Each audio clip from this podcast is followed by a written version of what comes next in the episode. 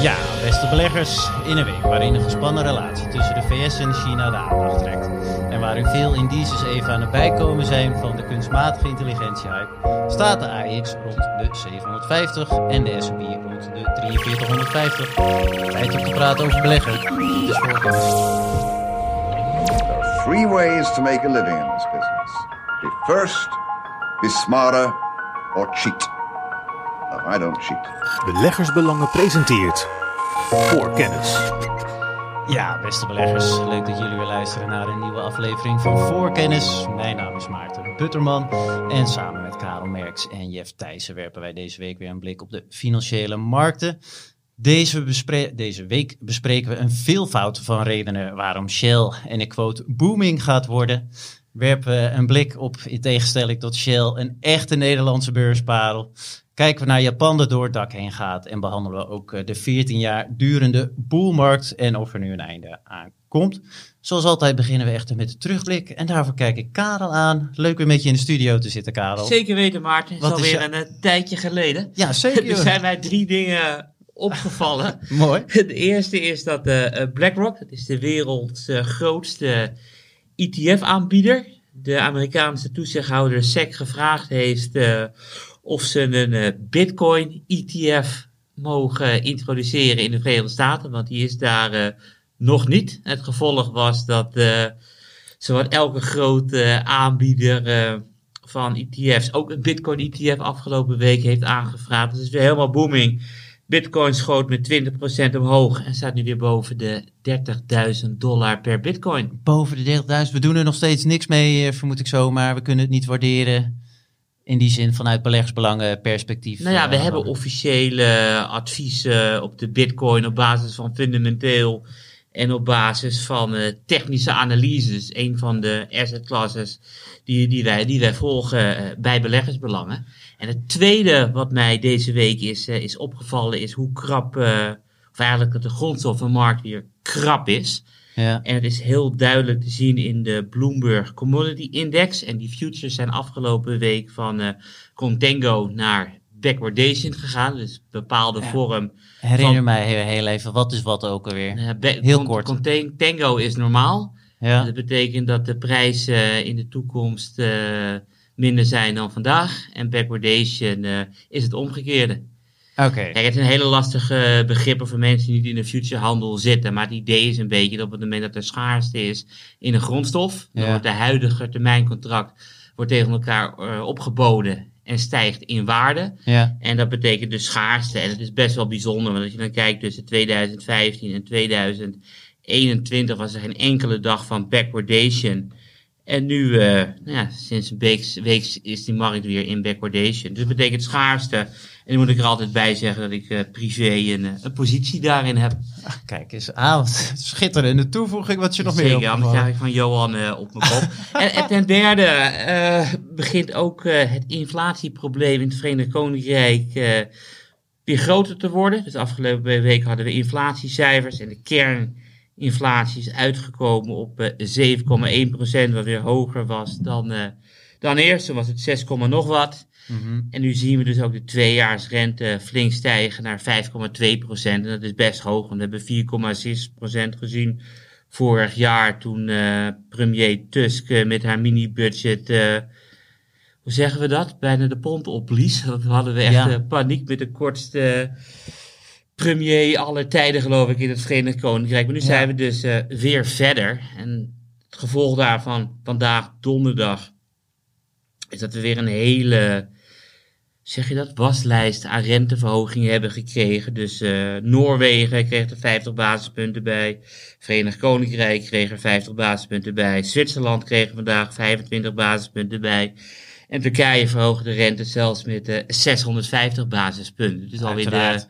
Kers op de taart. ja, de Was het derde. allemaal in verwachten, voor verwachting ook of niet? Of waren er echt nog dingen die van nog Nou ja, Verenigd Koninkrijk was verwacht nu een kwartje en dan volgende maand waarschijnlijk eh 50 basispunten. Dat werd nu al 50 basispunten. Noorwegen was een kwartje verwacht.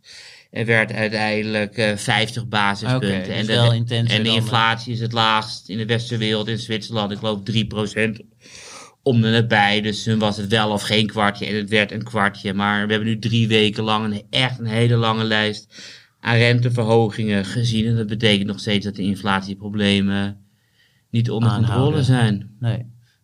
Maar zoals Powell zo mooi zei tijdens elke persconferentie, inflatie daalt op het moment dat de werkloosheid stijgt. Dus we gaan gewoon door om werkloosheid te creëren. Hij Alleen was het, er lukt- het vrij lukt eh, concreet in. eh, ja, het, het, het lukt alleen moeilijk. nee. En op het moment dat er nauwelijks werklozen zijn, dan krijg je, kunnen werknemers hoge looneisen stellen. Dus dan zullen de centrale banken doorgaan met het ho- verhogen van de rente. Oké, kijk einde is niet ondertussen heel stiekem heel even of er niet iemand gebeld wordt vanwege een geluidje dat ik hoor in mijn koptelefoon. Voordat we luisteraars eh, gaan irriteren. Sorry dat heel even eh, tussendoor. Maar eh een van jullie toevallig die gebeld wordt? Nee. Mijn Nee. telefoon staat uit. Keurig. Oké, nou ik hoop dat hij niet door de uitzending heen gaat en anders eh, excuses eh, daarvoor. Maar dankjewel daarvoor, eh, Karel. Inf hardnekkige inflatie eh, dus nog steeds. Jeff, ook eh, welkom uiteraard bij de show. Wat is jou allemaal opgevallen deze week? Dankjewel. Ja, eh, door het eh, ontbreken van ja, echt kwartaalcijfers of halfjaarscijfers, inderdaad weinig nieuws. Inderdaad, heel het thema is nog steeds inflatie. We zijn nog lang weg van die 2% doelstelling. Eh, dan ja, door het eh, gebrek aan soms eh, groot nieuws ga ik dan ook, eh, zie ik allerlei kleine nieuwtjes voorbij komen die ik dan wel leuk vind. Ja. Eén daarvan vond ik zelf was een onderzoek van Capgemini Research Institute. Ja. Die gaven aan, die hadden een onderzoek gedaan onder ja, vermogende klanten. Een Ja. grote groep in ieder geval, deden mee aan een steekproef. Dan gingen ze kijken van ja, hoe is het met de asset allocatie van ja, die vermogenden. En een vermogen is dan meer dan 1 miljoen aan beheerd Vermogen. ja, bestaat die portefeuille Ja. van, die, van die persoon in kwestie. En die zitten nu op, eh, uit het onderzoek bleek 34% cash. En dat was eh, ja, het hoogste niveau in 20 jaar tijd. Dus ja, rijken worden vaak rijker. Wat, ja, wat doen eh, ja, de vermogenden met hun geld? Lijkt toch nu voornamelijk ja, de focus op ja, kapitaalbehoud vooral te liggen. Ja. Niet op de groei van dat vermogen. Dus dat vind ik altijd wel interessant om te kijken van ja, wat, wat, wat doen anderen? Moet natuurlijk altijd je eigen koers varen. Maar eh, dat vond ik wel een, eh, ja, een leuk bericht. Ja. Eh, daarnaast ja, vroeg een bekende die wilde ook gaan beleggen. Ik had recent had ik een eh, bruiloft en eh, dan hadden we, gingen we de hele tijd van tafels wisselen. Ja. En iedere keer als ik dan ergens aan tafel eh, ja, een andere plek moest innemen, dan gaan we vragen natuurlijk, ja, wat doe je? En dan gaat het over beleggen en dan is het heel van, ja, ik wil ook gaan beginnen. Heb je ze gewezen op een abonnement van beleggersbelangen toevallig? Nee, dat, dat, dat nog niet. Dus ja, daar moet toch een beetje actief voor zijn. Maar Ja.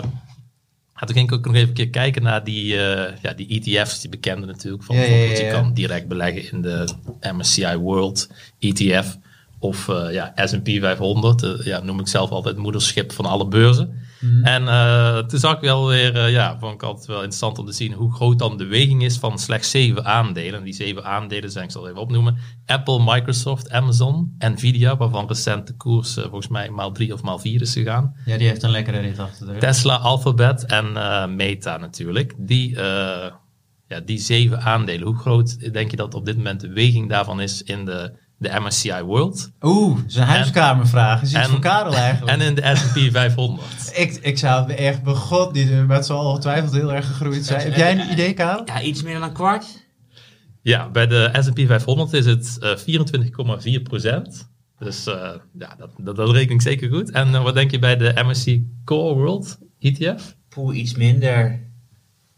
Ja, 20. Ja, inderdaad, 18,4 procent. Maar ja, dat geeft toch wel een beetje aan van, ja, je, ja, je, je, je hebt het, het beeld van ik ben goed gespreid. En, eh, maar je zit toch al, ook bij dergelijke producten, toch al zwaar in, eh, ja, in die zeven fondsen. Ja. Eh, zeven fondsen die het allemaal heel goed hebben gedaan, maar ook tegen een hele hoge waardering op de beurs noteren. Toch over het algemeen allemaal met een koers-winstverhouding van boven de 30. Dus dat is toch ook altijd wel weer even een... Ja, een overweging waard. Ik moet, eh, ik moet, ik moet mijn. ETF-posities gaan bekijken, eh, hoor ik zo. Ik had die zelf geen rekening mee gehouden, maar je zei het even bij het voorbespreken. En het is inderdaad, het zijn gewoon echt pittige percentages. Als je voor 25% in tech zit, terwijl je denkt in principe gespreid eh, te beleggen, dan... Ja, en het is ook nog big tech dan, hè, natuurlijk. Ook nog eens, ja. ja, er zitten ook nog andere bedrijven in. Eén daarvan die ook nog in die top 10 is dan Berkshire Hathaway. Dat is dan ja, wat een mooi gespreid mandje ja. heb je daarin. Maar ja, dat, dat ik toch wel weer opvallend. Ja, dat is zeker. Oké, we gaan ook nog even naar het blad eh, verder. Ik blijf gewoon bij jou, eh, Jeff, want jij wilde over de fix uh, hebben. Heel kort, ja, wat je hebt geschreven voor het blad. Laat ik het iets beter eh, duiden. Waarom moeten beleggers dit lezen? Ehm, ja, zelf kijk ik altijd graag naar de, de VIX-index. Dat komt omdat ik eh, toch ac- heel actief ben geweest, ook met opties.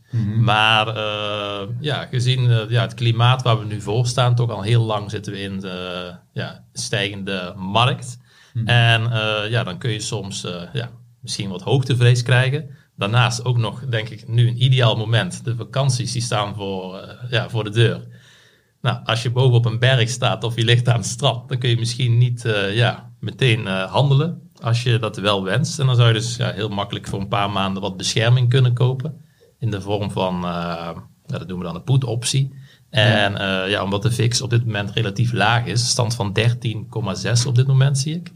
Ja, dat is ongeveer 4,5 punt onder het historisch gemiddelde. Dat betekent dat ja, een verzekering nu kopen is relatief goedkoop. Want ja, als het echt paniek in de tent is, hebben we ook wel standen van 80 gezien. En dan is die premie mega, mega duur. Dus nu Ja. kun je zeg maar, als je zegt van ja, ik wil toch even, ik ga op vakantie, ik wil wat, eh, ja, Wat wat, rust. Wat, wat rust in de tent. Ik, ik kijk alweer als ik terugkom. Dat ik Ja. weet, ah, mocht er echt iets uh, vlammende pan zijn, Nu kan dan ben ik eh, beschermd. Oké, ja. helder. Ik zal het artikel in de show notes zetten. Karel, waar heb jij over geschreven? Netflix, eh, Netflix. sinds mei 2022 het best presterende aandeel in de Verenigde Staten. Eh 168% eh, omhoog geschoten. Sinds wanneer, zei ze? Mei, Mei? Dit jaar? mei vorig jaar, mei, vorig jaar, 2022, dus ruim, eh, ruim een jaar. Eh, Nvidia zit deze periode op eh, plus 157% en is nummer 2. Maar als je dan kijkt naar eh, hoe de waardering gestegen is, het is ook met eh, ruim 150%. Dus het is vooral stijging van waardering en heel weinig stijging van de betere bedrijfscijfers. En daarom heb ik deze week het advies van Netflix eh, verlaagd van kopen naar houden. Oké, en nou, nou, dat kunt u ook lezen in het blad en uiteraard eh, op de website. We nog heel kort, voor we verder gaan naar het eerste hoofdonderwerp, een lezersvraag die binnenkwam voor Karel. Die zegt, eh, Karel, je had recent een artikel geschreven over de kortlopende bonds. Eh, je hebt ze ook privé gekocht. Kan je mij aangeven waar ik kan vinden wat het rendement hierop is? Dat is één. Kan via het document van zijn broker niet vinden. En eh, vervolgens, als ze kortlopend zijn, eh, wanneer lopen ze af? Hij heeft meerdere vragen. Worden ze automatisch doorgerold eh, en keren ze uit? Het is wel grappig dat Jeff net zei, ehm, bij wat hem is opgevallen, dat steeds meer rijken in, eh, in staatsobligaties gaan beleggen, omdat die 5% yield wel heel erg aantrekkelijk is. Ehm, Ja. Helaas behoor ik niet tot die extreme rijken, maar ik vind het wel leuk dat ik dezelfde be- beslissingen doe als, eh, als, zij, eh, als zij nemen.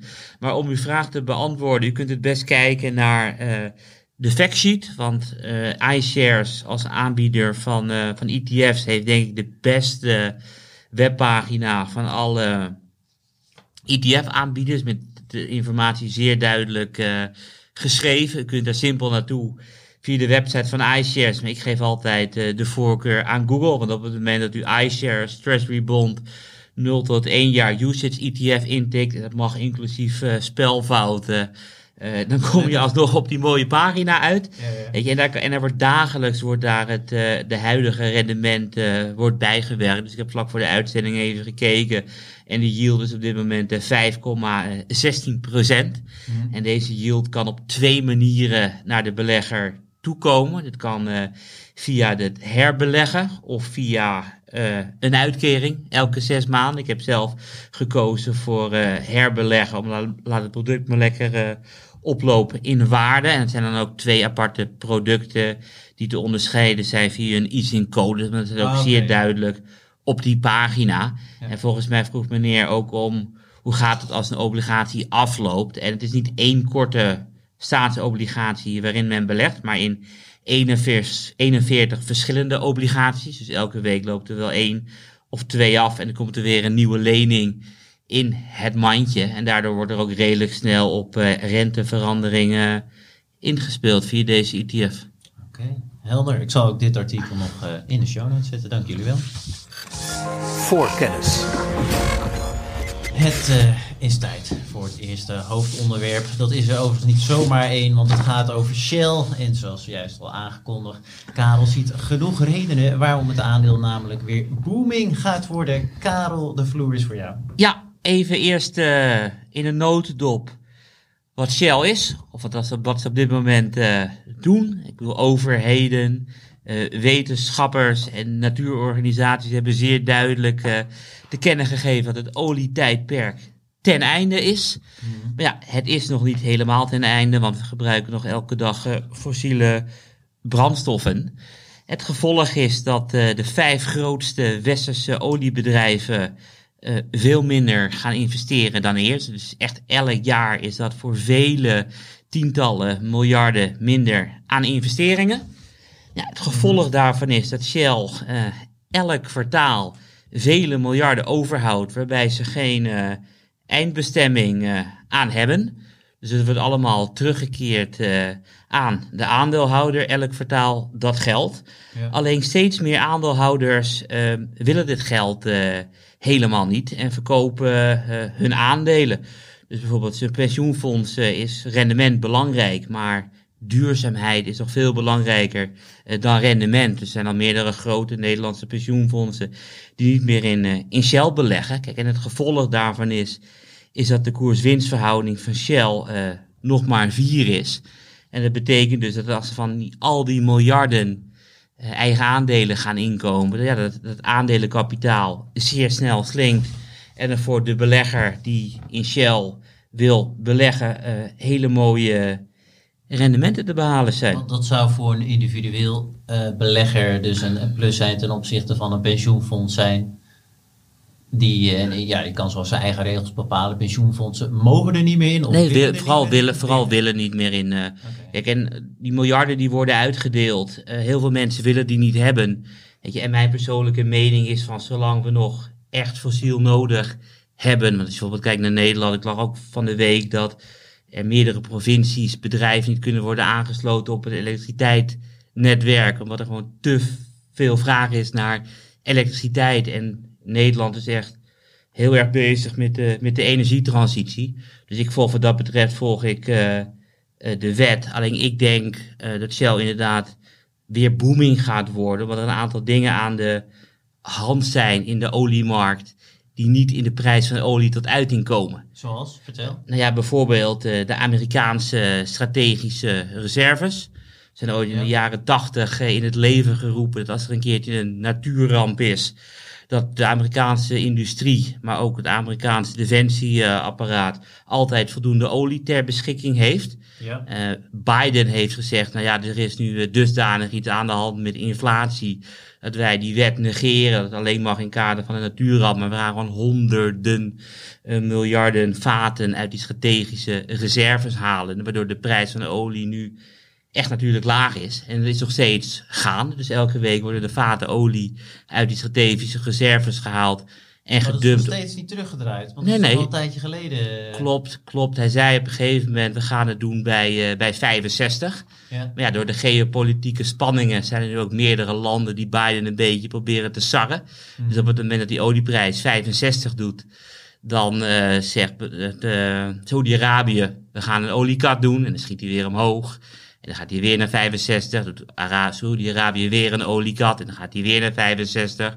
En dan roept iemand, we gaan eh, de shorters uitrokken. En dan schiet die prijs weer omhoog. Dus de wereld probeert gewoon dat we no- nooit bij die 65 komen. Zodat Biden weer die, dat gaat vullen. Het geopolitieke wapen. Ja, dat wordt dus ook, hier, wordt dus eh, ook ingezet. Weet je. En als Biden ermee stopt, dan is er dus een grote verkoper die wegvalt. De verhouding prijs, eh, vraag-aanbod verbetert. Ja. En de prijs waarschijnlijk wat zal stijgen. En, ik vind dat... Want is dat nog steeds voor Shell olieprijs? Ik heb geen idee. Maar gaat dat één op één op? Is het als de olieprijs 2, 3 procent stijgt? Ja, het aandeel zal dan niet 2, 3 procent stijgen. Maar de invloed is... Ja, hoog. Wat ik bedoel, ja. want de kosten zijn al gemaakt natuurlijk. Dat Ja, jij... maar ook omdat ze in gas zitten. Ja, ja maar, ook- maar, maar de, die aardgasprijs is ook weer gecorreleerd met de, met de Oké. energieprijzen. Want je hebt heel veel fabrieken wereldwijd die op eh, aardgas kunnen draaien en op, eh, op aardolie. Oké. Dus hebben we alweer drie eh, argumentjes eh, eh, gehad. Hoeveel heb je er nog meer? Ja, ja, ik heb...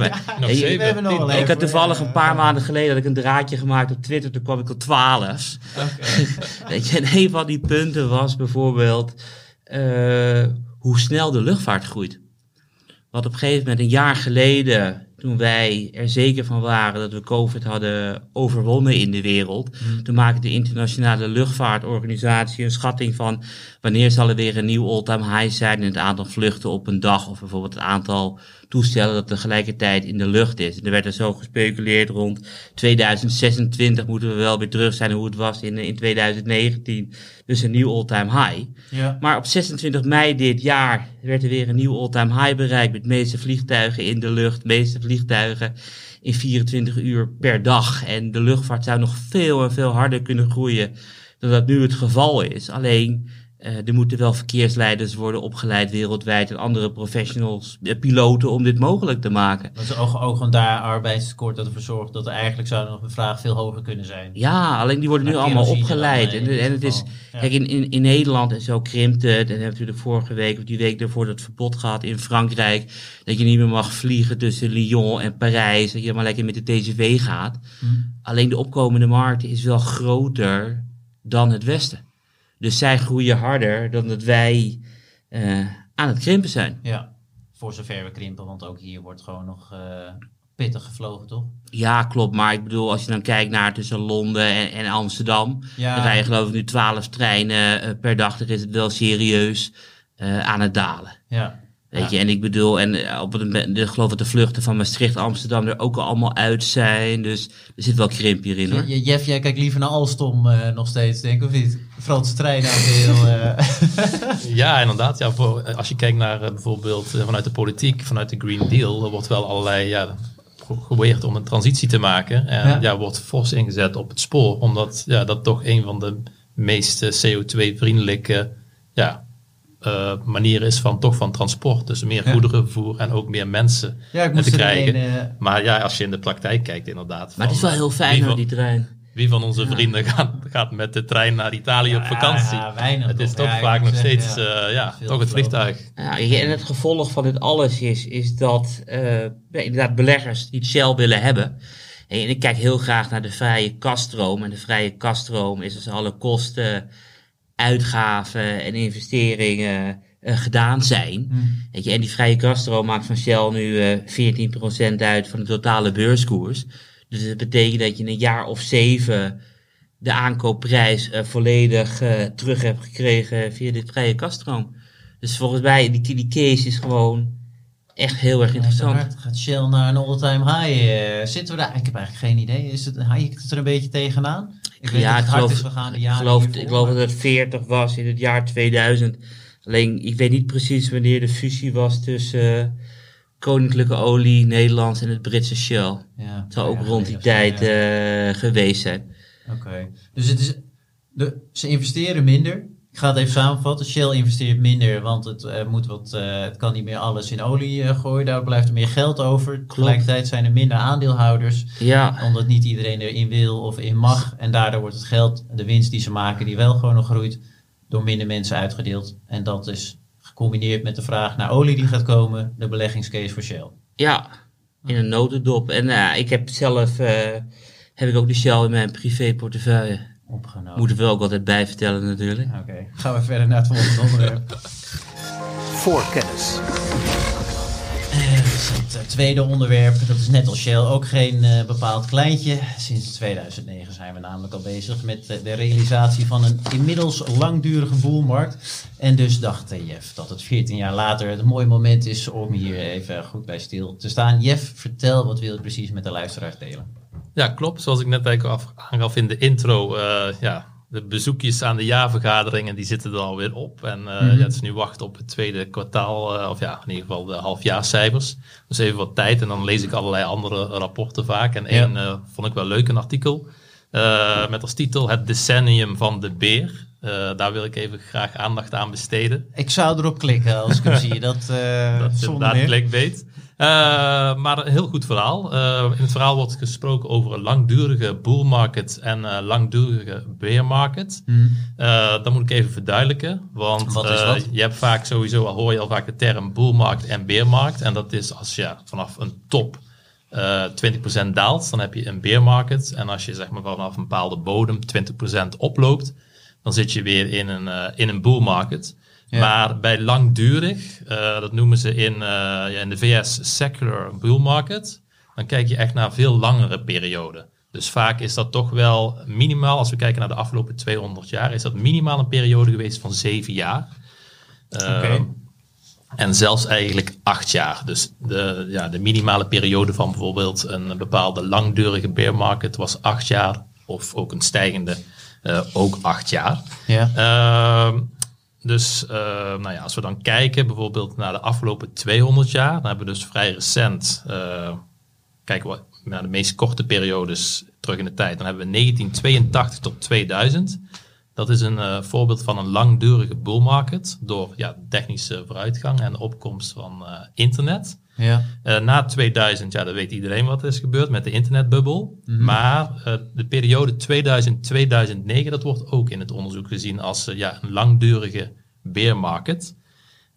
En die duurde dus ja, 8 à 9 jaar. En vandaag de dag, ja, sinds ongeveer maart 2009, eh, ja, rekent die feitelijk nog steeds dat we in een langdurige bull market zitten. En eh, ja, als je dan gaat kijken naar de afgelopen 200 jaar, is dat dan lang of is dat dan kort? Nou, daar heb je natuurlijk altijd heel veel leuke statistieken. Ja. Dus ik pak even een aantal statistieken erbij. Eh, ja, als we kijken naar langdurige stierenmarkten en langdurige berenmarkten, dan duren die gemiddeld, een stierenmarkt, die duurt gemiddeld 14,6 jaar. Nou, wij zitten nu op 14 jaar en een aantal maanden, dus we zitten al ja, dicht bij dat eh, gemiddelde. Eh, de kortste, die duurde van 1921 tot 1929. Ik zie hier dat Karel ook daar een boekje eh, over heeft. voor, voor de, video, voor de niet-videokijkers, de Great Crash van 1929 ligt hier. Ja, dus dat duurde acht jaar. En de langste stierenmarkt die duurde toch 20 jaar. Dus ja, dit geeft aan een beetje een bandbreedte tussen de 8 Ja. en 20 jaar. En gemiddeld leverde een langdurige stiermarkt 14,2% aan rendement op per jaar gemiddeld. Dus ja, je wilt Oh, echt... per jaar? eh, ja, dacht heel even in totaal. Ik Nee, dat nee, nee, nee, maar- 14% per jaar. En dat- dat vond ik wel heel interessant om te lezen ook eh, weer. Ja, ik weet veel allemaal, vaak is ook dingen even weer herhalen. Hm. Eh, en een langdurige berenmarkt, die duurt ongeveer 13 jaar, dus iets korter. En die levert gemiddeld een verlies op van 0,3%. Dus feitelijk is, Oh, dat had best, ik dan weer niet verwacht. feitelijk is dat wel grappig, want je hebt aan de ene kant 14% is gemiddeld in een langdurige bull market. En 0% is het gemiddelde in een eh, ja, langdurige beermarkt. Want dat is omdat je er dan uitgaat, dan zijn de verliezen weggepoetst. Ongeveer. Dus ik kan me voorstellen, 1932 Om tot maar, nee, maar eventjes data te geven over die 0,3% per jaar. Dus een van de berenmarkten was bijvoorbeeld eh 66, eh, 82. Dus in 66 bereikte de Dow Jones voor het eerst 1000 punten. En in 1982 stonden we nog steeds op 1000 punten. Ja, precies. Toen Kijk, maar, dan denk je 0,3% verlies, het is prima. Maar nee, je gaat, je gaat helemaal eh, kapot. Want eh, over die periode is het geld eh 80% minder waard geworden. En je kan je ook vragen, vragen van, ja, wanneer krijg je boelmarkten en wanneer krijg je berenmarkten? En wat ik herinner van het lezen van geschiedenisboeken en dergelijke, is dat op het moment dat de inflatie stabiel is, heb je vaak eh, een boelmarkt. En op het moment dat de inflatie extreem is, heb je vaak een berenmarkt. Dus die van 1000 tot 1000 was dus een extreme inflatieperiode. Maar als je naar de vorige, naar de voor terug gaat, dus 29, dus de crash en de jaren 30, toen had je dus extreme eh, deflatie. Hm. Ja. Ja, die, eh, ik ken het van, eh, ja, wat ik zei op het begin ook al, met name het voorbeeld dat je noemde van, wat was het, 60 tot en met 82 inderdaad. Ja, Ja, eh, het rendement is even 0,3, maar inderdaad inflatie. 80% koopkracht. dus, eh, ja. dus de vraag is van ja, eigenlijk is het als in de jaren doelgroep, 30, hè, want toen verloor de Dow Jones van top tot bottom eh, 86%. Ja. Maar het was iets minder dan 80 als je het gecorrigeerd hebt voor deflatie. Dat betekent dus dat elk jaar het geld meer waard wordt. Maar tussen 66 en 82 v- verloren naar koopkracht de aandelen ook 80%. En dat zijn de twee heftigste berenmarkt eh, van afgelopen eeuw. eh. Ja. Alright. Ja, Terug wat- naar Jeff. Ja, wat ik dan wel grappig vond, is dus zeg maar, ja, die langdurige stierenmarkten, die doen ongeveer dus 14% rendement. Ja. En de berenmarkt dan eh ja, 0%, eh, eigenlijk min 0,3%. Maar ja, veel beleggers doen wereldwijd beleggen en dan mik je op 7%. En als je 14 en 0 pakt, want die, die periodes duren ongeveer lang, even lang, dan kom je precies op 7. Ja, dus ja, het klopt, maar ja, als je dan onder de motorkap eh, kijkt, kijken, dan zijn er wel periodes. eh, als, kijk, ik heb daar een tabelletje van. Er zijn dus periodes dat er eh, ja, inderdaad 20 jaar een berenmarkt was. 1929 tot 1949 bijvoorbeeld. Of inderdaad 1966, 1982, 16 jaar. Dus ja, dan zit je 16 jaar feitelijk met gebakken peren. Ja. Dus eh, Geen leuke periode als belegger. natuurlijk. Hè? ja, inderdaad. ik bedoel, wat Maarten zei is je, sorry? natuurlijk een echte ETF-belegger die maandelijks netjes inkoopt, eh, ongeacht de stand van de koersen. Mhm. Kijk, stel, kijk, het is natuurlijk een hele jonge vent is hij nog, hij is nog in zijn 30 volgens mij. En als hij nu bijvoorbeeld een berenmarkt komt van 15 of 20 jaar. Een van de karakteristieken is dat aandelen steeds goedkoper worden. Dus dan kan Ja. Maarten steeds meer kopen. Bouwt hij heel veel aandeeltjes op. En dan op een gegeven moment is hij dan Ja. 50. Dan heb je de boelmarkt van 20 jaar. En dan worden al die aandeeltjes meer waard. En dan wordt hij gewoon bang van hoe groot zijn vermogen gegroeid is. Ja, ja, dat klopt. Het is inderdaad, ja, Zie je hem houdt hij- glunderen voor de luisteraars Houdt hij dat, houdt hij dat dan Een stukje vol, hè? voorbespreking die er mooi uitkomt op deze manier. Ja. Dus, Ga verder, Jeff. Ja, inderdaad. Dus, eh, nou ja, als we dan even kijken ook naar die hele lange stierenmarkten en die lange berenmarkten. eh, ja, wat is dan de drijvende kracht daarachter? Nou, dan kun je heel dicht bij een slogan komen van een fondsmanager, waarvan ik regelmatig zijn eh, analyses lees. En die heeft als slogan altijd winstgroei, rente en sentiment bepalen het rendement. Dus winstgroei, rente en sentiment bepalen het rendement. Dat is zijn slogan. En ja, op zich ook wel logisch. In Ja. economisch goede tijden dan kunnen bedrijven de winst eh, laten groeien. Gaat het minder, dan eh, ja, zou je zeggen van ja, de winst, er komt winstdruk. En dan zou er dan ook wel bij passen ja, dat er dan misschien een berenmarkt zou kunnen zijn. Eh, zo eenvoudig is het dan natuurlijk niet, want je hebt ook met de rente te maken. En ehm, nou, als de rente geruime tijd laag is of steeds lager ja, wordt, dan wordt het voor bedrijven steeds aantrekkelijker om te investeren. En ze hebben ook sneller ja, die investering terug, omdat ze een lagere kost daarvoor hebben. Ja. Eh, dus dan heb je ook weer sneller winstgroei. Dus dat, eh, ja, dat mes snijdt aan twee kanten. En ja, een tweede punt ook nog met die rente is natuurlijk ja, qua waardering. En eh, ook als je kijkt van nou, een belegger, we zien het nu bijvoorbeeld met het beginstukje van die vermogende groep. Die zit steeds meer in cash. Bijvoorbeeld, ja, bijvoorbeeld het kan een spaarrekening zijn of ja, kortlopende staatsobligaties. Als er een alternatief is, dan Ja, gaat er minder dat er geld naar, ja. ja, naar aandelen. Eh, en dat zou dus ja, de waardering onder druk kunnen zetten. En dat zou dan ook weer ja, kunnen zorgen voor eh berenmarkt. Wat maar, stond dat erin in dat Capgemini onderzoek trouwens? Is- Wat is de reden dat ze cash aanhouden? Omdat ze bang zijn of omdat ze nu 3, 4, 5 procent ergens op kortlopende. ETF-bonds kunnen krijgen? nou ja, ik heb voornamelijk de korte samenvatting gelezen. Dus ik weet niet de ja, alle details. Ja, maar het is ook logisch, Maarten. Want op het moment dat jij eh, een miljoen hebt en de rente is 0,0, Nee, ik dan krijg je het. nul Het is- keur- uitkering. Als En van de 0 rente euro kan je niet leven. Nee. Nu is het ruim 5. Nou ja, ik wil van 50.000 euro per jaar, kan ik prima leven.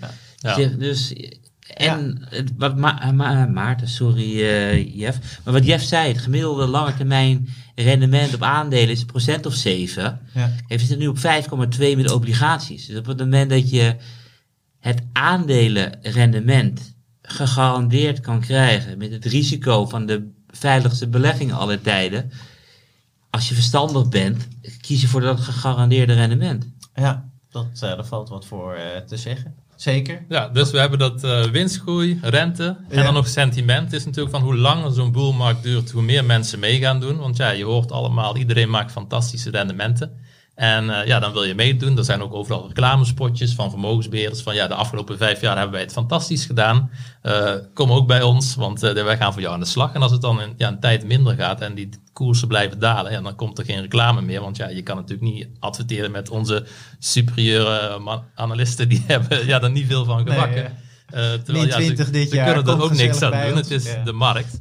Maar eh, ja, beleggen is natuurlijk vooruitzien. Eh, we zitten nu dus daar 14 jaar eh, in. Waar, waar staan we nu? Nou, ik had een aantal dingen dan eh, ook in het rapport eh, ge- gevo- gevonden. En ook een aantal dingen natuurlijk zelf erbij gepakt even. Ja. En dat vond ik wel eh, ja, leuk. Dus op dit moment zitten we dus 14 jaar in de stierenmarkt.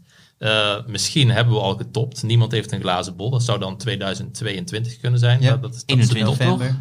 Want volgens mij hebben we in 21 stond de S&P 500 op 4800 punten. Is dat dan intraday of eh, slotkoers? Slot en intraday, volgens mij AX ook. Ik dacht de eerste dag van 2022, maar misschien... Een... Oh, als, als, Ja, om, om het even. We Om zitten het niet even. meer bij de top. Nee, maar wel verder. op, op, Nou ja. op 1 januari 22 is, dan Ja. eh, is het alsnog... eh Nou ja, in, in dat artikel wat ik had gelezen stond in ieder geval ook dat eh, ja, de laatste langdurige stierenmarkt, eh, ja, op dit moment zitten we bijna op 500% rendement. En eh, het oude record, dat ligt op 497%. Dat is 1921, 1929. Eh, daarnaast, als je kijkt, stukje sentiment, aantal beleggende huishoudens. Nou ja, Nederland is natuurlijk maar peanuts in de wereld. Maar Ja. als je het even kijkt naar, specifiek naar Nederland. Ik had daar laatst een, een onderzoek eh, voorbij zien komen. En daar stond in dat er op dit moment 1,9 miljoen beleggende huishoudens zijn. Het is een paar jaar gestegen van 1,1 miljoen naar 1,9 miljoen. En met 1,9 miljoen zitten we ook weer op het niveau van 2000. Toen ook iedereen graag mee wilde doen. Ah, jammer, ik wilde net zeggen dat voorkennis verantwoordelijk was voor het inspireren van deze groei. Maar eh, helaas. Ja. Ja. Ga En eh, nou, kijk ook even naar de waardering. Eh, langdurige stierenmarkten die, ja, maken vaak een kanteling als de waardering boven de 20 ligt. Nou, de S&P 500 is nog wel redelijk bescheiden gemiddeld. 22 kW, 21, 22 kW. Maar als je dan kijkt onder de motorkap, wat we ook in het begin zeiden van, ja, er zijn Tegen. maar die 25, ja, die hebben al 25% weging. Die technologiebedrijven, die staan wel allemaal met een waardering boven de 30. Dus ja, als daar de cijfers gaan tegenvallen, dan ja, is dat een risico. ja. Eh, ja, dan de rente, hebben we net al gezegd. Eh, een hoge waardering hebben we een paar jaar geleden natuurlijk ook gezien. Dat is niet erg. Als de, als de rente op nul staat, dan ja, kan je dat nog verantwoorden. Ja. Nu eh, zou je zeggen van ja, die waardering is nog steeds hoog. Als je kijkt Nvidia en zo, die flink zijn gestegen. Eh, dus dat is ook weer een, ja, een soort van eh, ja, risicofactor. Eh, dan iets wat ook, ja, sentiment inderdaad. Een stierenmarkt eindigt vaak in een hype. Nou, ik weet niet of er nu een hype speelt. ja, ik, ik heb hem in Maar de de- intro. ik, ik heb er ook over Je hebt een mening, na, Karel. nalopen denken van... ehm, Heel kort wel, hè? wat, is, wat is eindigt met een hype? Ik, bedoel, ik dacht werkelijk dat de top eh 2020 zou zijn, misschien 2021. Omdat wij krantenberichten hadden in Nederland tienduizenden beleggers in de wachtrij. Bij onder andere de Giro, die willen Ja. beginnen met beleggen, maar ze kunnen gewoon niet die stortvloed aan mensen aan om rekeningen te openen. Toen gingen de specs naar de beurs, eh, mensen kochten een zak met geld en we, we zouden wel zien wat, GameStop. ja, et cetera. Weet je, Ja. en met waterstof en, en, en die duurzaamheidsbubbel en al dat we gezien hebben. Op een gegeven moment knapte dat. Toen stortte Nvidia 70% naar beneden. Dus ik had gezegd, we gaan nooit meer terug. Maar nu gaan we wel weer terug.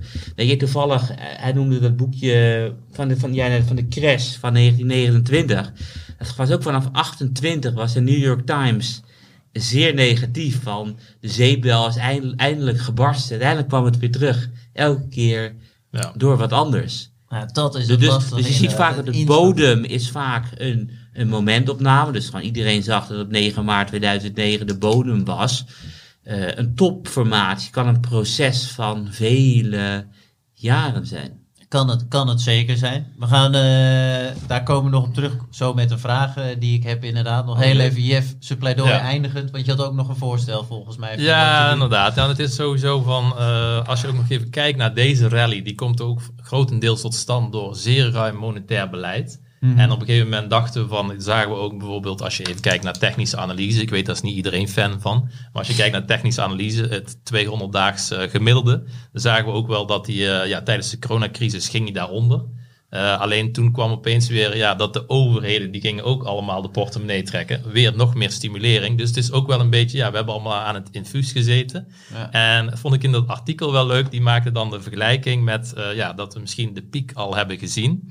En Want er die- is nu verkrapping, en- toch? en- Ja. ja, en die, oh, daar kan je nog een discussie over, En- over houden. Wat ik bedoel, Komen, we- komen we op terug, komen we op terug. en die, vergeleek dat, die vergeleek dat met sport. En een van de voorbeelden in de sport had hij dan, dat vond ik wel een leuke, was van wielrennen. ja. Dat eh, in, eh, op Alpe d'Huez, er staat nog altijd een re- record van de jaren 90 van Marco Pantani. Oh, ja. bijnaam het olifantje. En eh, ja, ik keek er altijd met heel veel plezier naar, maar het was ook vroeger, het wielrennen ging veel sneller. Van ja, als er een demarrage was, dan ging het allemaal veel harder, dankzij de doping. En dat die, ja, kun je zeg maar gelijk trekken met ja, de stimulering van Ja, eh, centrale banken. Dus ja, wat dat betreft lijken we toch een beetje, dat is de conclusie van het eh, artikel, en dat, dat deel ik wel, die mening, is dat eh, ja, niemand kan in de toekomst kijken, maar dat we toch al richting de blessuretijd gaan. Misschien zitten we er zelfs al in.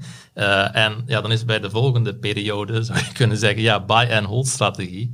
Eh, ja, is dat dan nog de winnende strategie? Ja, ik dat denk, is dan eigenlijk de vraag. Want ik denk ook het niet. Wat Karel ook zegt, inderdaad. Kijk, het, het, het topproces kan, je, kan nog jaren duren. Jij zegt het zelf net ook al heel mooi. Dat als we richting een eindfase gaan.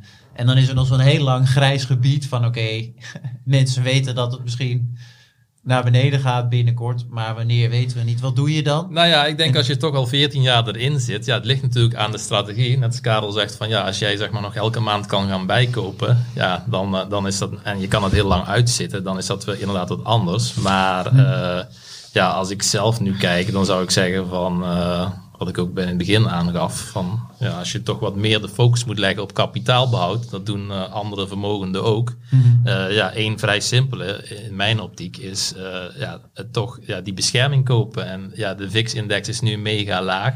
Dus je kan gewoon relatief Kan dat goedkoop- ook voor lange termijn? Dat je bij wijze van spreken zegt, nou ik zet voor twee jaar zet ik er een boeteverzekering op. Ja, er zijn langlopende optieseries. Ja. Dan ben je Eh, natuurlijk meer geld kwijt om het eh, af te dekken, maar heb je ook Nou ja, wat je zou kunnen doen is zeg maar dat je een langlopende optie koopt. En dan ja, over een jaar is die nog steeds een bepaalde waarde eh, vertegenwoordigt die. Eh, we hebben daar ook wel artikelen over geschreven. Dus ja, dat voor deze gezien ook de tijd waar we nu al zitten, is dat eh, te complex.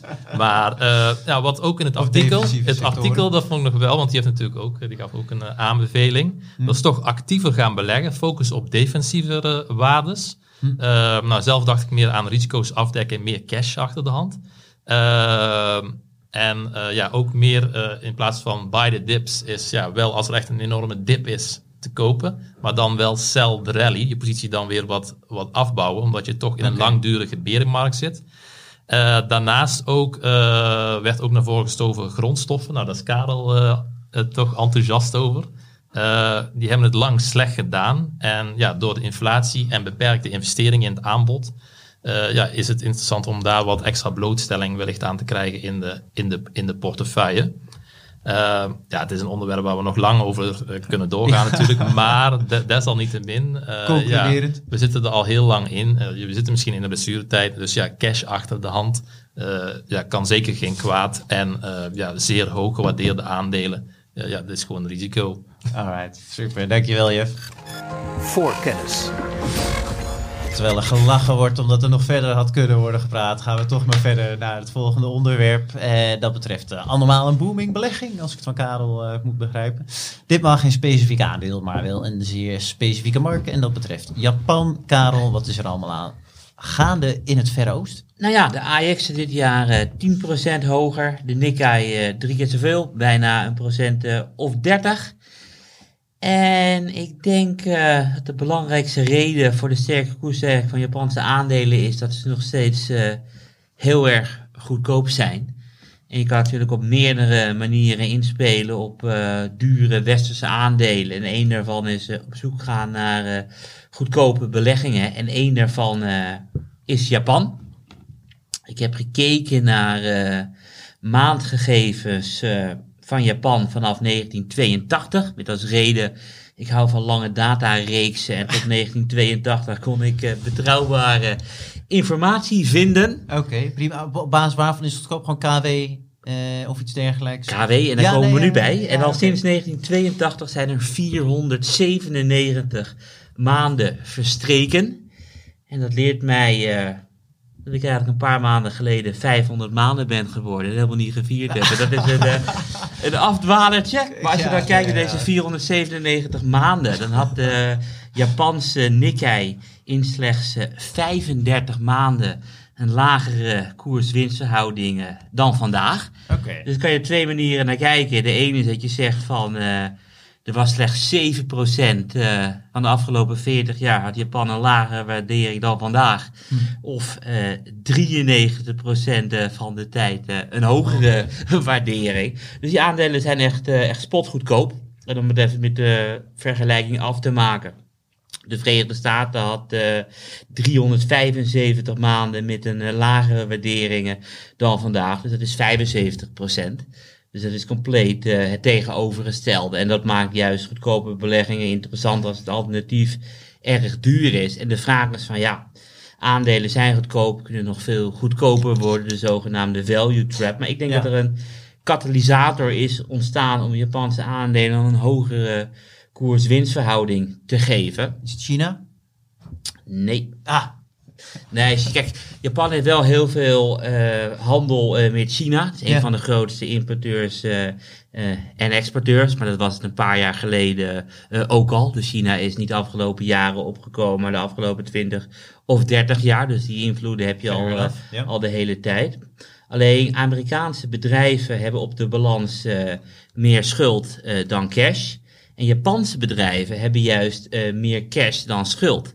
Dus op het moment eh, dat de rente naar nul gaat, is het echt verschrikkelijk goed voor Amerikaanse aandelen. Want dan gaat uiteindelijk ook hun, eh, de rentekosten gaat ook heel erg naar beneden, waardoor je echt een enorme leverage kan krijgen. Maar op het moment dat de rente eh, stijgt, werkt dat voor westerse aandelen als een rem omdat wij meer schuld hebben dan, dan cash op de balans per saldo voor de grote hoofdindices. Maar Japan werkt het juist als een enorme wind in de rug. Maar waarom hebben ze dat? Is het zijn keer is aandelen inkopen, dividend? Ja, dividend heb ik ooit van mee nog gehoord. Doen ze verder wel gewoon, maar het is Ja, maar ze zo. hebben natuurlijk, kijk, het, we hebben dus gezien dat de Japanse yen over de afgelopen 30, 40 jaar enorm is aangesterkt. Dus eerst was het eh 350 yen voor een dollar.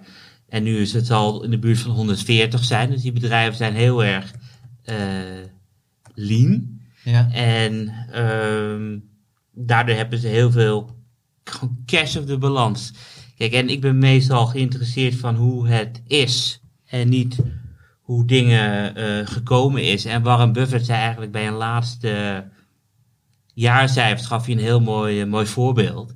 Die zei van ja, ik heb meer dan eh 100 miljard aan cash. Dus ik bedoel, een jaartje of twee geleden, toen was de rente nul. Dus op die 100 miljard kreeg ik jaarlijks 0 dollar. Deed helemaal niks. Ja. Afgelopen jaar heb ik 5 miljard rente gekregen. ja. Weet je, en, en 5 miljard is echt, echt een hoop. Dus Ja, ik dat is bedoel, echt- het is echt een hoop. Dus hij heeft gewoon 5 miljard gewoon aan rente gekregen. Ja, en het Japanse bedrijfsleven heeft dat dus ook. En dat kan we gewoon weer de boel gaan aanzwengelen voor extra groei. ja, Neem ik aan dat dan. ja, en wat je dus ook vaak ziet is dat... Want is daar de rente ook, ik, geen, ik vermoed dat daar dan ook de rente net als hier echt omhoog gaat. Ik weet niet Nee, wat de nee, inflatie nee. daar Ik bedoel, doet. daar hebben ze eh, yield curve control. Dus op het moment eh, dat de rente naar 50 basispunten gaat, Oh ja, dan gaat de Japanse centrale bank op ongelimiteerde schaal eh, de geldpers aanzetten om gewoon die rente op 0,5 te houden. Alleen het is de verwachting dat dat niet houdbaar is. Want we hebben jaren hebben we allemaal inflaties gezien tussen de 0 en 1 procent. En soms zelfs eh, deflaties. En nu zie je dus ook dat de vakbonden de grootste looneis in 40, 50 jaar hebben, hebben neergelegd. Dus het is echt een verwachting dat het beleid gaat stoppen van yield curve control. En dan gaat die yen- rente omhoog. En dan nemen nu al beleggers een voorsprongetje voor, weet je. En 30% in een paar maanden tijd. dat Doet- is doet dat echt heel erg. Ja. Dat is dat voorsprongetje wat je net Ja, ik bedoel, kijk, en daarna is het dat denken van, hé, hey, eh, wat stijgt, wordt onderzocht. Weet je, en op het moment dat je in 93 van de tijd een hogere waardering krijgt, en het gaat nu stijgen, kan het een interessante manier zijn op het moment dat je denkt van, hé, hey, Jeff kan misschien wel eens gelijk hebben. Ik vind put-opties lastig. Eh, niet iedereen die het verhaal van Jeff helemaal mee eens is, zal denken van, eh, ik denk niet na, ik koop gewoon die put-optie. Ik bedoel, ik zelf denk altijd, welk percentage premie moet ik betalen? Dat vind ik wel weer lastig. Mhm. Dus voor de beleggers die denken van ja, eh, ik vind het lastig, ik wil me er eigenlijk niet zo in verdiepen, kan je altijd ook nog beleggingen zoeken die wel laag gewaardeerd Nou ja, zijn. wij hebben, ik heb in het voorbereiden van deze podcast eh, de tip terugblik van jou, Karel, eh, heel even bij bekeken. Dat was de iShares Core MSCI Japan. ETF. Japan. Japan ETF. Ja, ik zat, ik zat zelf ook precies uh, ertussenin. Japan en Japan. En die achter jij toen nog koopwaardig. Dat is ook nu nog een mooi product waarmee je kan inspelen op een eventuele... Ja, zeker. Ik volg niet eh, de Nikkei, maar de MCI World. Persoonlijk vind ik altijd wel een fijne beleggingsmethodiek om een index te bouwen. Want de Nikkei is dat het bedrijf met de, het grootste bedrijf niet de zwaarste weging krijgt. Ja. Je krijgt de zwaarste weging wanneer je de hoogste beurskoers hebt. Dus stel je hebt een aandeel van 10 yen en je hebt een aandeel van 100 yen. Dan verdient het aandeel van 100 yen een 10 keer zwaardere weging, dus een prijsindex. Terwijl het 100 keer kleiner kan zijn. Dus die MCI eh, Japan is een aantrekkelijke index. Kijk eens aan. Mooi besluit. Voorkennis. Verder naar het eh, laatste onderwerp. En dat eh, betreft in tegenstelling tot Shell wel een echt Nederlands eh, aandeel. En dat is Alberts. Een aandeel dat door een collega van ons ooit is bestempeld als de Clarence Seedorf van de AMX. Wie Omdat sommige bedrijven... dat is Berend Isaac zeker, of niet? Nee, nee, dat was Jeroen Bogaert. Hij eh, zei omdat sommige bedrijven, net als voetballers, niet de aandacht krijgen die Maar ze verdienen. Seedorf, dat is toch die man die die penalty misschoot? Ja, maar wel een Toch? van de beste voetballers eh, die Nederland oh, ik ooit heeft die penalty uit de jaren negentig. ondergewaardeerd. Oké, en die ja. krijgt dus niet de aandacht die hij verdient, was zij de vergelijking. En ik vond hem wel leuk. En gelukkig is het nu aan Jeff eh, om de aandacht eh, hierop te vestigen. Ja, ja ik, hou, ik hou van sport. Seedorf inderdaad, eh ja, hele goede voetballer. Eh, dus eh, ja, dat, dat snap ik wel. Ja, ja Alberts. Waarom Alberts? Eh, ja, we gingen vandaag de podcast en ik zag dat wij het over Shell gingen hebben. En ik dacht, nou, voor ieder wat wils. Ook een bedrijf met ja, echte focus op, op duurzaam. Ja. Omdat ja, bij, dat vind ik zelf van Shell, vind ik toch ja, dat ze eh, soms, een beetje soms bezig zijn met, met, met greenwashing. Een heel klein gedeelte van het eh, vermogen werd maar geïnvesteerd in het ja, echt eh, ja, in duurzame oplossingen, verduurzaming. Eh, terwijl ja, andere partijen die doen dat eh, wel. Bijvoorbeeld Chevron, die, die maakt duidelijk naar, naar buiten van wat gaan we doen. Die zijn een stuk harder. Ja, Ja. dus ja, wat dat transparanter daarin. Maar in ieder geval Aalberts, waarom Aalberts? Ja, dat is, het is een van de bedrijven die, ja, zo, zo zie ik graag een bedrijf wat ik in portefeuille heb. Eh, Oké. Kijken we even naar de historie. De onderneming die werd in 1975 opgericht, dus dat is alweer heel lang geleden, door Jan Aalberts. Eén machine, vier werknemers en 400.000 gulden schuld. Wat Dus- voor machine was het? Ja, ik weet niet exact, maar eh, ja, in ieder geval eh, ja, een mooi begin. Een industrieel En apparaat, dat resulteerde in, ja, het groeide daarna gestaag. En in 1987 kwam het naar de beurs. Toen was de beurswaarde 40 miljoen. Eh, sindsdien is de netto winst die is opgelopen van 1,3 miljoen euro naar 372 miljoen euro in 2022. Het is inderdaad een lange periode, maar dat geeft maar weer eens aan als je de tijd voor je laat werken, wat er allemaal ja, kan gebeuren Ja. als het een mooi bedrijf is. Ja. En eh, ja, de marktkapitalisatie, marktkapitalisatie is dus van 40 miljoen naar 4,6 miljard eh, gegroeid. Waar menig belegger blij mee zal zijn. Dat is zeg maar eh, ja, de, nu de stand van zaken. We moeten heel even kijken wat, eh, of dat exact klopt. Want het is natuurlijk weer even een koersdaling geweest. Het zou kunnen zijn dat het nu rond tussen de 4 en de 4,6 miljard ligt. Dat, eh, dat schiet me nu opeens naar binnen. Nou, wat, wat doen ze dan? Industrieel toeleverancier, actief op vier eindmarkten. Waarvan de grootste, meer dan, net iets meer dan de, dan de helft van de omzet, is verduurzamen van gebouwen. Ja. Daarnaast zijn ze ook actief in bijvoorbeeld verduurzamen van transportoplossingen. Dat zijn echt een toeleverancier. En eh, zijn actief in de halfgeleiderindustrie en nog in specifieke industriële niches. Ja. Nou, eh, ja, waarom is het eh, verduurzamen? Waarom is dat een interessante eindmarkt? Nou, als zijn die andere drie divisies ook duurzaam? Of is dat echt puur de verduurzaming van de gebouwen waarmee ze zich profileren als duurzaam bedrijf? Ja, inderdaad. Nou, het is verduurzamen van gebouwen. De andere was verduurzamen van transport. Daar Oh ja. oplossingen voor bedenken. Pardon. En de halfgeleiders? s- halfgeleiders wordt ook wel heel vaak gezien, toch door, ja, ook in de beleggingswereld, als een duurzame eh, partij. Waarom? Omdat ze heel veel dingen efficiënt maken. Er zijn heel veel chips nodig voor, eh, ja, ook voor het, voor, voor het elektriciteitsnetwerk. Mhm. Eh, dus in die categorie valt het wel. In ieder geval, ja, het heeft niet een grote CO2-voetafdruk. Eh, maar het voornaamste is inderdaad die verduurzamen van gebouwen. De helft van, van de omzet. Eh, uit verschillende onderzoeken blijkt dat in ieder geval vorig jaar was dat nog dat ongeveer 1% van alle gebouwen per jaar wordt eh, gerenoveerd. Die worden duurzamer gemaakt. En om de, ja, de klimaatdoelstellingen te behalen, bijvoorbeeld de Green Deal 2030, dan zou dat nu al opgeschroefd moeten worden naar 2%. Dus dat is een verdubbeling van ja, wat het zorgt voor ja, installaties, voor energiebesparende installaties. En daarmee zijn ze actief. Dus dat is al een hele interessante ja, eh, groeimarkt waar ze blootstelling aan hebben. En Ja. ik verwacht ook zeker dat ze daarvan gaan profiteren. Hebben ze de afgelopen jaren gedaan. En dat het inderdaad, ja, het, het zal met, eh, met, met, met een cyclus gaan, natuurlijk. eh, altijd. Maar er zit wel een structurele trend aan. Met name omdat als we kijken naar de omzet. 70% is renovatie, 30% is nieuwbouw.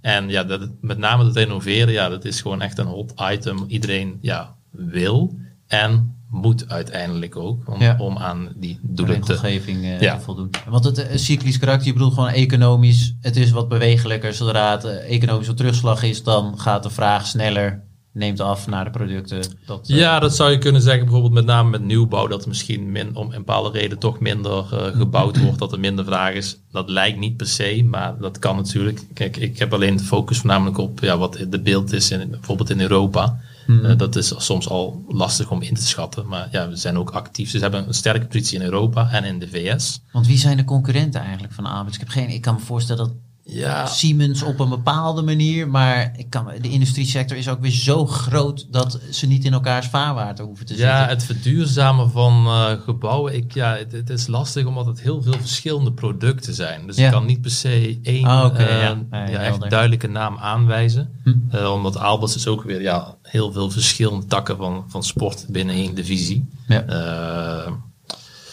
Nou, als we dan kijken waar zijn ze nog meer actief, waar, wat vind ik ook een interessant is, eindmarkt is dan die toeleverancier aan eh, de halfgeleiders. Bijvoorbeeld Ja. een van de klanten is ASML. Zij leveren aan hun, eh, en ja, de chipindustrie, dat is booming.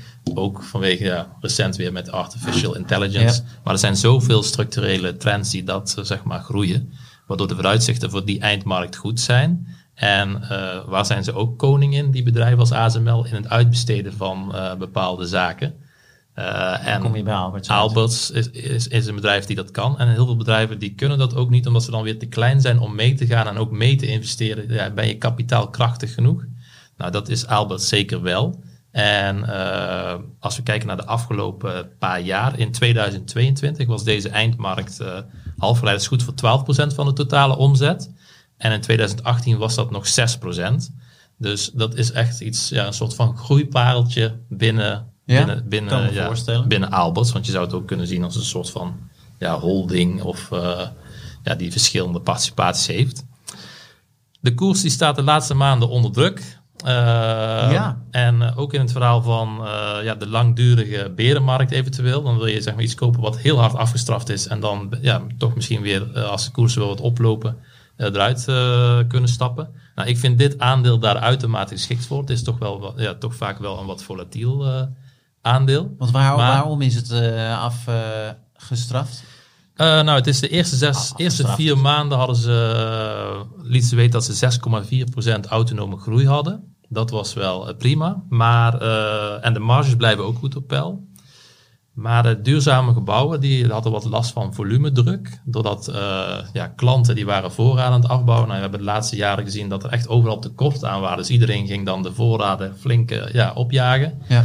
Eh, en daarnaast was er wat uitstel van nieuwbouwprojecten. Daardoor ja, valt het, het resultaat bij duurzame Ah, eh, lijkt even wat onder druk te staan. En er was ook een nieuwe CEO. Er is een nieuwe CEO aangesteld. En die komt voor het eerst van buitenaf. Want Jan Abels is de oprichter. Bezit nog altijd 13% van de aandelen. Ja. Daarna heeft Wim Pelsma, eh, die was vanuit intern gekomen. Die heeft heel lang gezeten. Nu komt er ja, een externe CEO. En ja, wellicht maakt mensen Toch dat een, zorgen. een onzekere factor. eh, Ja, inderdaad. mensen, Even afwachten. Maar eh, ja, de, de, de meneer heeft gewoon een, een gedegen track record en eh, ja, goed cv. Desalniettemin, dat is altijd toch weer even voor een keuze voor als je zegt van nou, ik kies voor een bepaald management. Ja. Dat je zegt van nou, ik, ik kies eieren voor mijn geld. Maar eh, ja, ik ben nog steeds wel daarover enthousiast. Eh, als ik kijk naar de doelstellingen op groepsniveau. Ze hebben dan een, een eh, jaarlijks mikken ze op een autonome groei van 4 tot 6 procent. Nou, dat gaan ze zeker wel halen. En een EBITDA-marge van 6 tot, 16 tot 18 procent tegen 2026. Ik denk dat het nog altijd haalbaar is. En dan, ja, als ik, dat, als je, ik denk zelfs dat het nog vrij conservatief is. Dan, dan moet het toch 4,50 euro uitrollen aan de, onder, ja, onderaan de streep. In het verleden hebben beleggers altijd 15 maal de winst betaald. Voor concurrenten betalen ze soms ook wel 20 keer de winst. Maar ja, ik zie niet per se dat de waardering nog ja, dat daar veel ruimte in is de komende periodes. Als ik zeg maar zelf uitga van misschien 12 keer de winst, ja, dan kom je toch op een ander bedrag uit. Of misschien 13, 13, misschien 14. Hmm. Nou, ik merk in ieder geval nu nog steeds op een beurskoers van 54 euro per aandeel. En uh, ja, dat is ongeveer 46, 46% stijging is dat in drie jaar. Ik zeggen, dat is een uh, pittige premie uh, en, voor wat er nu nog Ja, in de tussentijd krijg je ook nog altijd wel dividend. dividendrendement, de laatste keer dat ik had gekeken was dat we het advies gaven was 2,7%. Dus je krijgt ook nog wel ja, dividend voor, voor het wachten. En ja. ze hebben daar echt oog voor de aandeelhouders. omdat ook bijvoorbeeld tijdens de coronacrisis hebben ze ook gezegd, nou ja, één van onze stakeholders is, uh, is de aandeelhouder. Dat hoor je niet bij elk bedrijf. Uh, en toen hebben ze ook gewoon het dividend uh, ja, gewoon uitgekeerd. Omdat ze eigenlijk altijd willen zeggen van ja, we doen wat we zeggen. En daar houden ze zich dan, dan, dan ook aan. Dus dat is dan, ja, vind ik wel een, een pluspunt. Een, een mooi aandeel voor Cell de Rally. Nou ja, ik denk sowieso, het is een mooi aandeel voor, voor, voor lange termijn beleggers. Uh, het zit in mooie groeimarkten. Het is niet al te duur. Uh, het heeft een, een, sterk management. Het management, ja, het CEO is nu, wordt nu vervangen. Maar de CFO zit er ook al een tijd. Okay. Uh, het is gewoon een goed geleid bedrijf. Ze zijn, gaat het een tijd minder op de beurs, dan zullen ze ook zeker wel hun... Ze hebben een sterke financiële positie. Ze staan erom bekend als de kraalreigers. En bij veel bedrijven gaat dat vaak fout, grote overnames of ja, bepaalde overnames doen. Zij lijken er toch iedere keer in te slagen. Ik heb ook laatst nog ben, ik heb een gesprek gehad met de CFO. Die zegt ook van ja, we hebben gewoon eigenlijk continu zijn we in gesprek met allerlei partijen. En er zijn gewoon toch heel veel ja, bedrijven in hun sector waar ze actief zijn, wat familiebedrijven zijn. En die willen het niet zomaar verkopen aan private equity. Nee, dus die okay. willen toch graag, ja, dus die hebben dat familiebedrijf opgebouwd. De kinderen willen het niet overnemen. Maar je kent, ja, je woont in een dorp, je kent alle mensen. Bij de voetbalclub, je kent de helft van de mensen die daar werken. Dan wil je het goed overdragen bij ja, een nette partij. En ja, dan is Alberts ja, een geschikte kandidaat met een bewezen okay. track record. En wat ik wel mooi vind, tot 2010 waren ze kralen aan het rijgen door ook regelmatig nieuwe aandelen emissies te doen. Dus dan zag je het aandelenkapitaal van Albert uh, flink toenemen. Dan moest je maar gaan rekenen hoe je er als aandeelhouder uitkwam. Maar ik zag dat sinds 2010 het aandelenkapitaal gelijk is. Mm -hmm. Dus waarschijnlijk genereren ze nu zoveel cash dat ze geen aandelen hoeven uit te geven om overnames te doen. Dus ik heb wel het gevoel dat het echt een volwassen bedrijf geworden is. Ja, inderdaad. En dan nog steeds is het wel klein. 4,4, uh, ja, ongeveer 4, tussen de 4 en de 5 miljard beurswaarde. Ik denk dat het nog altijd ja, kan verdubbelen in de komende jaren. Maar als je ook kijkt naar het verleden, het aandeel uh, is ook vaak uh, ja, toch gewoon gehalveerd. Zeker ook bijvoorbeeld ja, in een financiële crisis. Maar ja, het is gewoon een aandeel ja, wat zeker op je watchlist hoort, naar mijn mening, om ja, in, in ieder geval in bezit te hebben. Tijd. Ik bezit de aandelen zelf ook en uh, dat is natuurlijk de disclaimer. ja. En het zit ook in de, in de offensieve portefeuille. Maar als die koers echt uh, ja, een zepert krijgt, dan ja. Uh, ja, vind ik dat mooi om, ja, om daarin in, in bij te kopen bij, okay. bij een bedrijf als Alberts. Dankjewel, uh, Jeff. Het is uh, tijd voor de borrel, denk ik zomaar. Maar ik ga jullie nog heel even snel aankijken of iemand iets heeft wat hij wil benoemen voor een eventuele vooruitblik. We hebben het niet in de voorbespreking behandeld en ik krijg uh, geen reacties. Dus oh, je mag wel hoor. Ik, ik ga afgelopen ja. week ga ik lezen in mijn boek. Ik sleep het overal mee naartoe. The Great Crash van 1929. Het is echt grappig. Ik ben nu in 27 toen uh, de rente flink naar beneden ging in de Verenigde Staten. En tien jaar later, tijdens uh, congressional hearsittings, werd het de meest onverstandige beslissing van de Fed ooit genoemd. Dus wel heel erg grappig wat voor parallellen er zijn met de jaren 20 en nu. Dus als ik heb de tijd, dan kan ik verder lezen. Jij gaat borrelen, ik duik lekker met mijn boekje een hoekje in. Super, dank jullie wel uh, beiden weer voor uh, de bijdrage in ieder geval van uh, deze week. Volgende week dan zit ik hier weer, maar ik weet eigenlijk nog niet met wie, met een van jullie toevallig. Nee, ik mij ben eh, ik kreeg niet van de allemaal nee eh, op de Stefan, rest. twee weken Stefan is er volgende week bij. nou, Stefan. gaan we er dan weer terugzien. Heren, dank jullie wel. En eh, tegen de luisteraars, eh, uiteraard tot volgende week.